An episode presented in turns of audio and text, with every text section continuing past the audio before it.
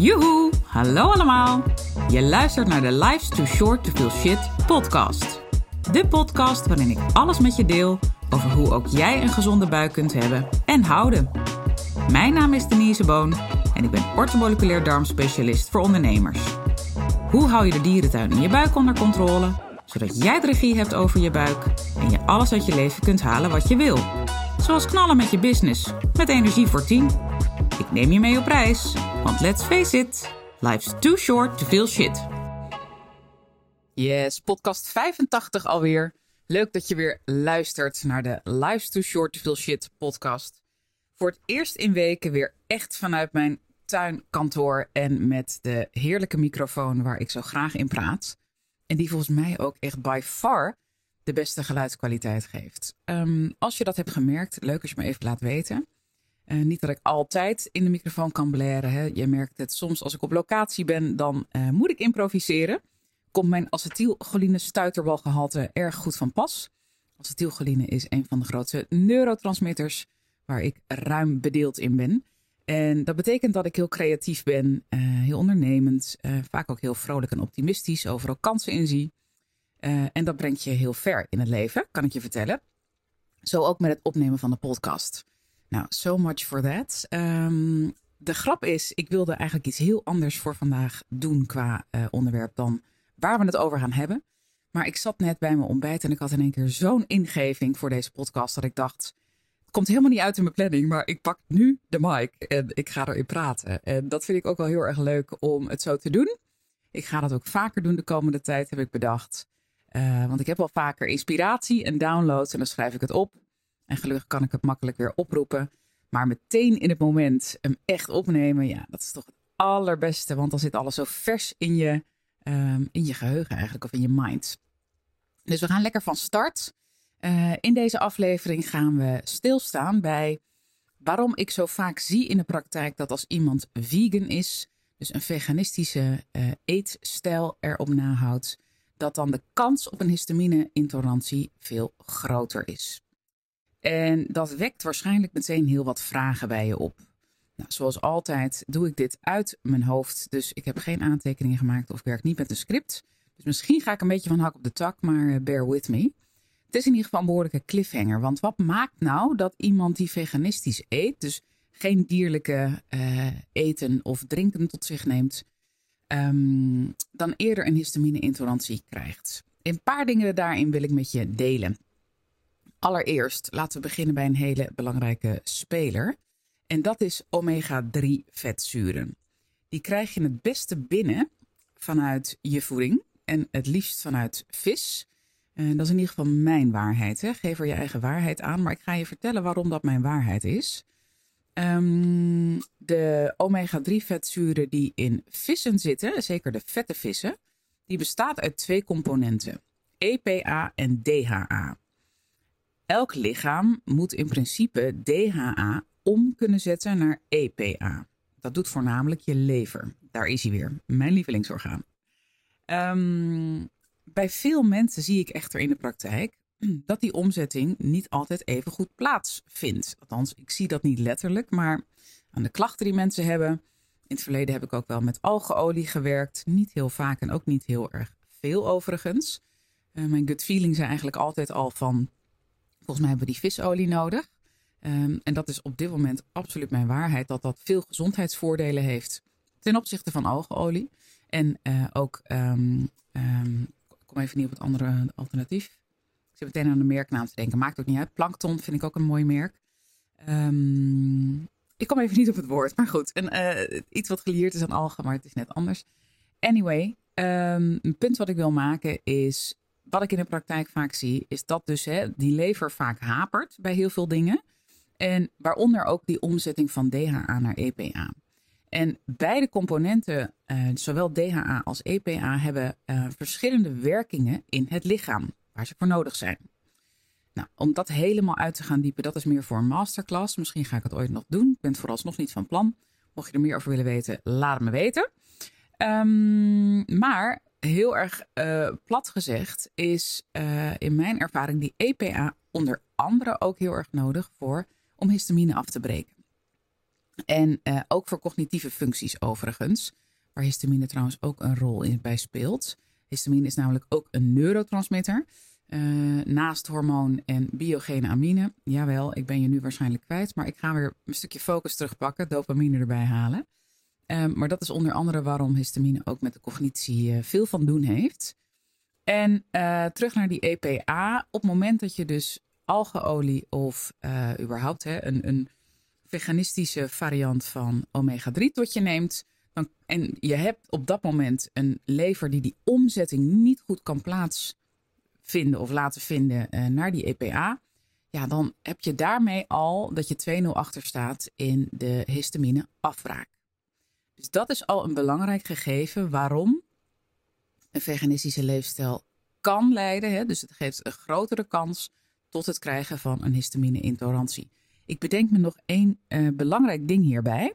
En dat is echt praktijkervaring to the fullest. Dat een luisteraar die heeft, naar aanleiding van podcast 62 uit mijn hoofd, waarin ik het onder andere heb over histamine-intolerantie en uh, onderliggende oorzaken. Uh, die aflevering was voor haar life-changing. En nu ben ik haar naam, heb ik even niet helder, die is me even ontschoten. Um, ik ga anders pak ik hem er zo even bij. Want ze had zoveel moois wat zij met mij deelde. Heel lief trouwens ook als je nu luistert dat je mij mailde. Dat stel ik heel erg op prijs. Uh, sowieso, ik krijg vaker reacties dat. Uh, nou, het woord life changing is meerdere keren gevallen bij jullie. Dat vind ik wel heel erg fijn. Dat met mijn gratis content, waar hopelijk veel waarde in zit, althans dat hoop ik dan, maar dat is duidelijk wel het geval. Anders krijg ik niet zulke reacties, dat het zo waardevol voor je is. Dus dank daarvoor. Blijf het delen. Dat uh, is weer voer voor mij om dit te blijven doen. Anyway, deze dame in kwestie, uh, voor haar was die aflevering dus life-changing. Waaronder, of eigenlijk voornamelijk, hierover, die visolie. Zij slikte al jaren algeolie, als ik me niet vergis, in ieder geval een, uh, een algevariant. En op het moment dat zij visolie ging slikken, was dat, nou ja, volgens mij echt als sneeuw voor de zon, dat veel van de histamine gerelateerde symptomen die zij ervaarde, waaronder jeuk, dat weet ik nog, ik dacht ook huiduitslag, maar goed, misschien moet ik hem er zo even bij pakken. Het is toch wel leuk om daar nog even iets uit voor te lezen. En ik gebruik altijd alleen voornamen, hè? dus privacy is altijd gewaarborgd. Uh, maar zo zie je maar, zij noemde letterlijk de woorden life-changing. Dat het voor haar die aflevering life-changing was. Zij heeft dus niet alleen geluisterd naar wat ik heb gedeeld, maar ook het toegepast. En is gaan kijken, werkt dit voor mij? En dat is ook, weet je, je luistert al vaker naar me. Dat is ook wat ik je altijd mee wil geven neem niet alles voor waarheid aan. Maar als jouw gut feeling zegt: hey, hier zit wat in wat die boon zegt, ga het proberen op jezelf. Ga niet hele heftige experimenten doen. Maar goed, zoveel heftige dingen eh, deel ik ook niet in de podcast. En als je medicatie slikt, altijd uh, belangrijk om te overleggen met je behandelaar. Want ook supplementen en medicatie kunnen interactie hebben met elkaar. Nou, is dat bij een omega-3 vetzuren um, supplement niet zo snel het geval. Maar het zijn natuurlijk ook andere dingen die ik deel. Dus dat even een kleine disclaimer erbij, maar je snapt hem wel. Anyway, uh, zo zie je maar dat het dus echt letterlijk life-changing kan zijn. Want zij heeft dat direct toegepast en voor haar, nou ja, deed het dus wonderen. Zo kan ik het wel zeggen. Dus um, in um, het nemen van een visoliesupplement of het vaker eten van vette vissen, daar kunnen dus heel veel gezondheidsvoordelen aan zitten, waaronder ook met betrekking tot die histamine. Nou, wat is nou een ander nadeel van uh, een veganistische eet- en, nou ja, eigenlijk een, een, noem je dat, voedingspatroon, zo moet ik het eigenlijk zeggen, want natuurlijk ook drinken valt er ook onder.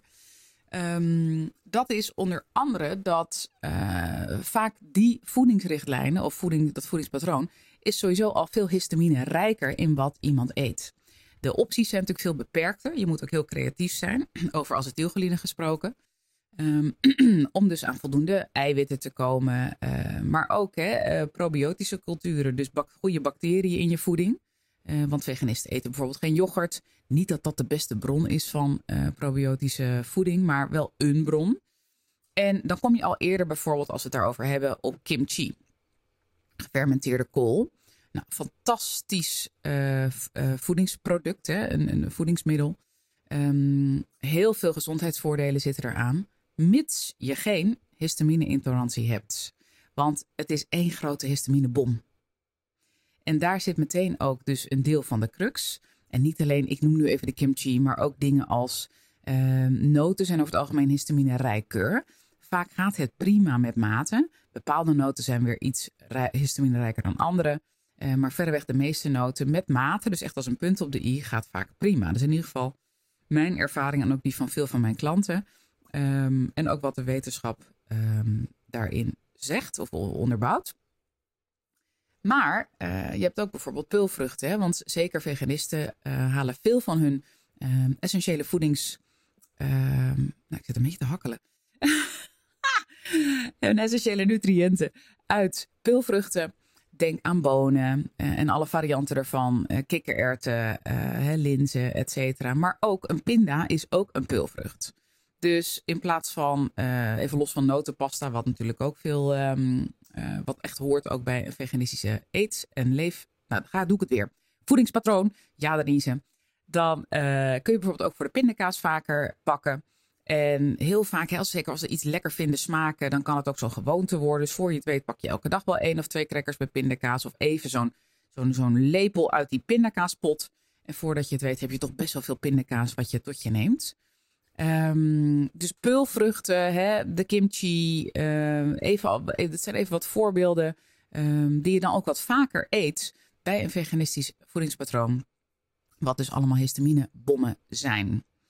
Nou, ook een groene smoothie heb je misschien al vaker over gehoord. En dat is natuurlijk iets wat, sowieso alles wat ik noem, is iets wat, wat, wat iedereen kan eten. Met welke, uh, welk voedingspatroon je ook aanhangt. Maar goed, in een groene smoothie, even een klassieke groene smoothie banaan, avocado, spinazie. Laten we even dat trio pakken. Ja, dat is ook een histaminebom. Dus um, even gewoon wat richtingen om je mee te geven dat um, een veganistisch voedingspatroon vaak histamine rijker is. Uh, ook door de mindere variëteit hè, die, die je tot je hebt dan een niet-veganistisch eetpatroon. Nou, als laatste wat ik met je wil delen hierin is dat veganisten vaak minder B12 tot zich nemen. In ieder geval vanuit voeding. Hè? Uh, want vooral ja, de voornaamste bron van vitamine B12 zijn toch wel dierlijke voedingsmiddelen. Denk aan uh, vlees, is echt zo'n klassieker, hè? maar zeker ook schaal- en schelpdieren.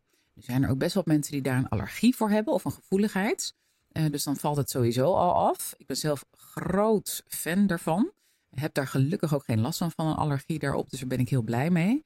Als je me op Insta volgt, dan weet je dat. Want ik deel regelmatig foto's van oesters, mosselen, nou, ik ben net in Amerika geweest. Daar heb ik zelfs kreeft voor het eerst in, jaren weer gegeten. Heerlijk. Nou, dat zijn allemaal voedingsmiddelen die rijk zijn aan B12. En vitamine B12 is voor heel veel processen in het lichaam heel belangrijk.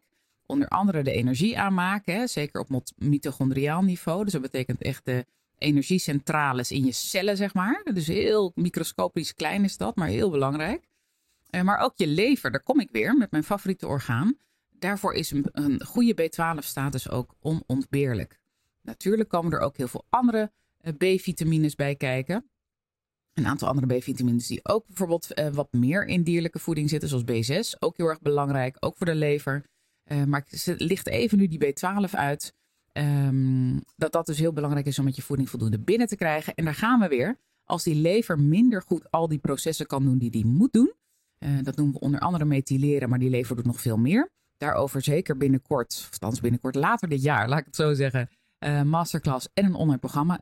Misschien wel het meest zin heb ik om die te maken. Ik ben nu, as we speak, bezig met meerdere masterclasses maken. De eerste staan al online. Uh, niet op mijn site trouwens, dus als je meer daarover wil weten. Ik heb er nu een paar over vermoeidheid opgenomen. Uh, stuur me even een berichtje via Insta, dan stuur ik je de link. Um, er komen er de komende tijd ook masterclasses aan over ontlasting en opgeblazen buik. Nou ja, zo heb ik een heel lijstje wat ik afga en de lever komt daar dus zeker ook in terug. Het punt wat ik nu wil maken is, als die um, lever onvoldoende alles kan doen wat hij moet doen, laat ik hem maar even heel breed pakken, dan kan hij dus ook minder goed de histamine afbreken. En dat is het punt wat ik in deze aflevering wil maken met betrekking tot het onderwerp. Hè, waarom um, een veganistisch voedingspatroon uh, eerder leidt tot een histamine-intolerantie. Daar kan dus ook een deel van de crux zitten. Wil ik nou zeggen dat jij absoluut, hè, stel voor je luistert nu en je bent uh, vegan en je denkt, uh, misschien staan je nekharen wel overeind. Dat kan. Terwijl alles wat ik nu met je deel is mijn praktijkervaring gebaseerd op theorie. En ik zie dus ook echt life-changing veranderingen bij zowel mijn klanten, maar dus ook luisteraars en volgers. Soms met een enkele aanpassing. Betekent niet dat je meteen je hele vegan lifestyle overboord hoeft te gooien. Zeker niet. Um, als jij vegan wil blijven eten, helemaal goed, hè? Ehm, wie ben ik om erover te oordelen? Absoluut niet. Maar weet wel dat als jij je herkent in veel histamine-gerelateerde symptomen, dan kan het voor je gezondheid raadzamer zijn om misschien toch af en toe een uitstapje te maken naar niet-vegan. En het kan ook zitten in supplementen. Dus dat je met je voeding die basis erin houdt, maar dat je met supplementen probeert wat bij te sturen. Zoals mijn ene volger of luisteraar deed naar aanleiding van aflevering 62. Misschien ook niet, die keuze is natuurlijk helemaal aan jou.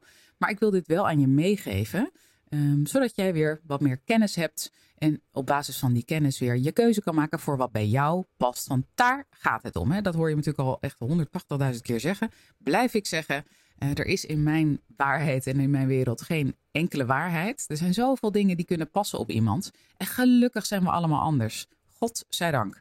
Het zou zo saai zijn als we allemaal hetzelfde zouden zijn. Nee, ik moet er niet aan denken. Ik ga toch even kijken of ik snel nog even die uh, reactie van die dame kan vinden over podcast 62. Mm, even kijken. En misschien moet ik hem even stilzetten.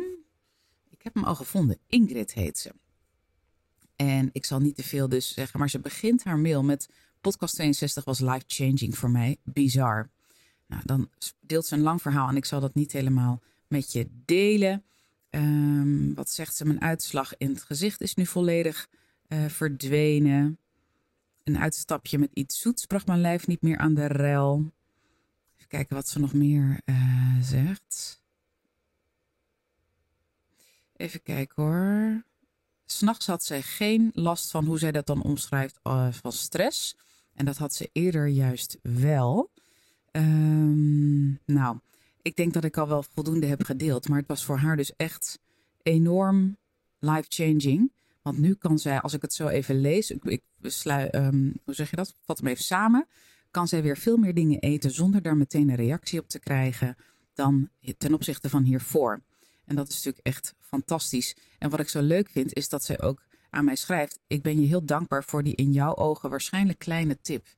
En dankjewel Ingrid dat je dat ook hebt gezegd. Want inderdaad, voor mij uh, is dat een blinde vlek.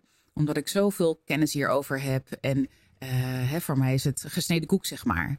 Maar ja, voor een ander kan dit dus life-changing zijn. Dus nogmaals, dank voor het delen. Ik waardeer het enorm. En ik denk ook, juist omdat ik het nu ook met anderen deel, uh, jouw ervaring, dat anderen dit ook weer kan helpen. En dat is weer iets wat heel mooi is, want met z'n allen moeten we het leven toch een stukje aangenamer voor elkaar maken. In ieder geval, dat is wel mijn doel. En ook een stukje leuker. Ik ga afronden. Dit is wat ik met je wilde delen. Uh, ik ga nu beginnen aan al mijn to-do's die ik eigenlijk al uh, aan had willen en moeten beginnen. Maar nogmaals, de inspiratie kwam en ik dacht, ik pak nu de microfoon. Ik ben er blij mee. Het, is een beetje met us en uh, voedingspatronen en weet ik wat. Maakt niet uit. En ik zou ook nog een winnaar bekendmaken, bedenk ik me nu. Nou, dat wordt dan de volgende. Beloofd, beloofd, beloofd. Van het histamine maandmenu. Want ik heb elke maand natuurlijk een winnaar die ik bekend maak. En we zitten nu, terwijl ik dit opneem, is het 1 februari. En uh, dat betekent dat ik nog uh, van afgelopen maand een winnaar bekend mag maken. Leuk als jij je feedback over de podcast met me deelt, want daarmee maak je kans op het maandmenu ter waarde van 97 piek. En uh, ik hoor je heel graag, want daar help je mij weer mee, maar ook anderen. En heel vaak zijn dus dingen die ik van jullie hoor input voor een nieuwe podcastaflevering. Dus hou je niet in. Deel het. Deel het ook met anderen. Geef de podcast een, um, een, een, een, review met sterren als je wil. Daar help je me ook heel erg mee, want dan ben ik beter vindbaar in de podcast-apps. Dat zou ik echt heel erg waarderen. Dus als je dit luistert, doe het alsjeblieft meteen even. 100.000 karma punten voor jou. En tot de volgende keer. Dag, dag. Toppers, bedankt voor het luisteren. Leuk dat je er weer was. Smaakt dit naar meer? Abonneer je dan even op mijn podcast.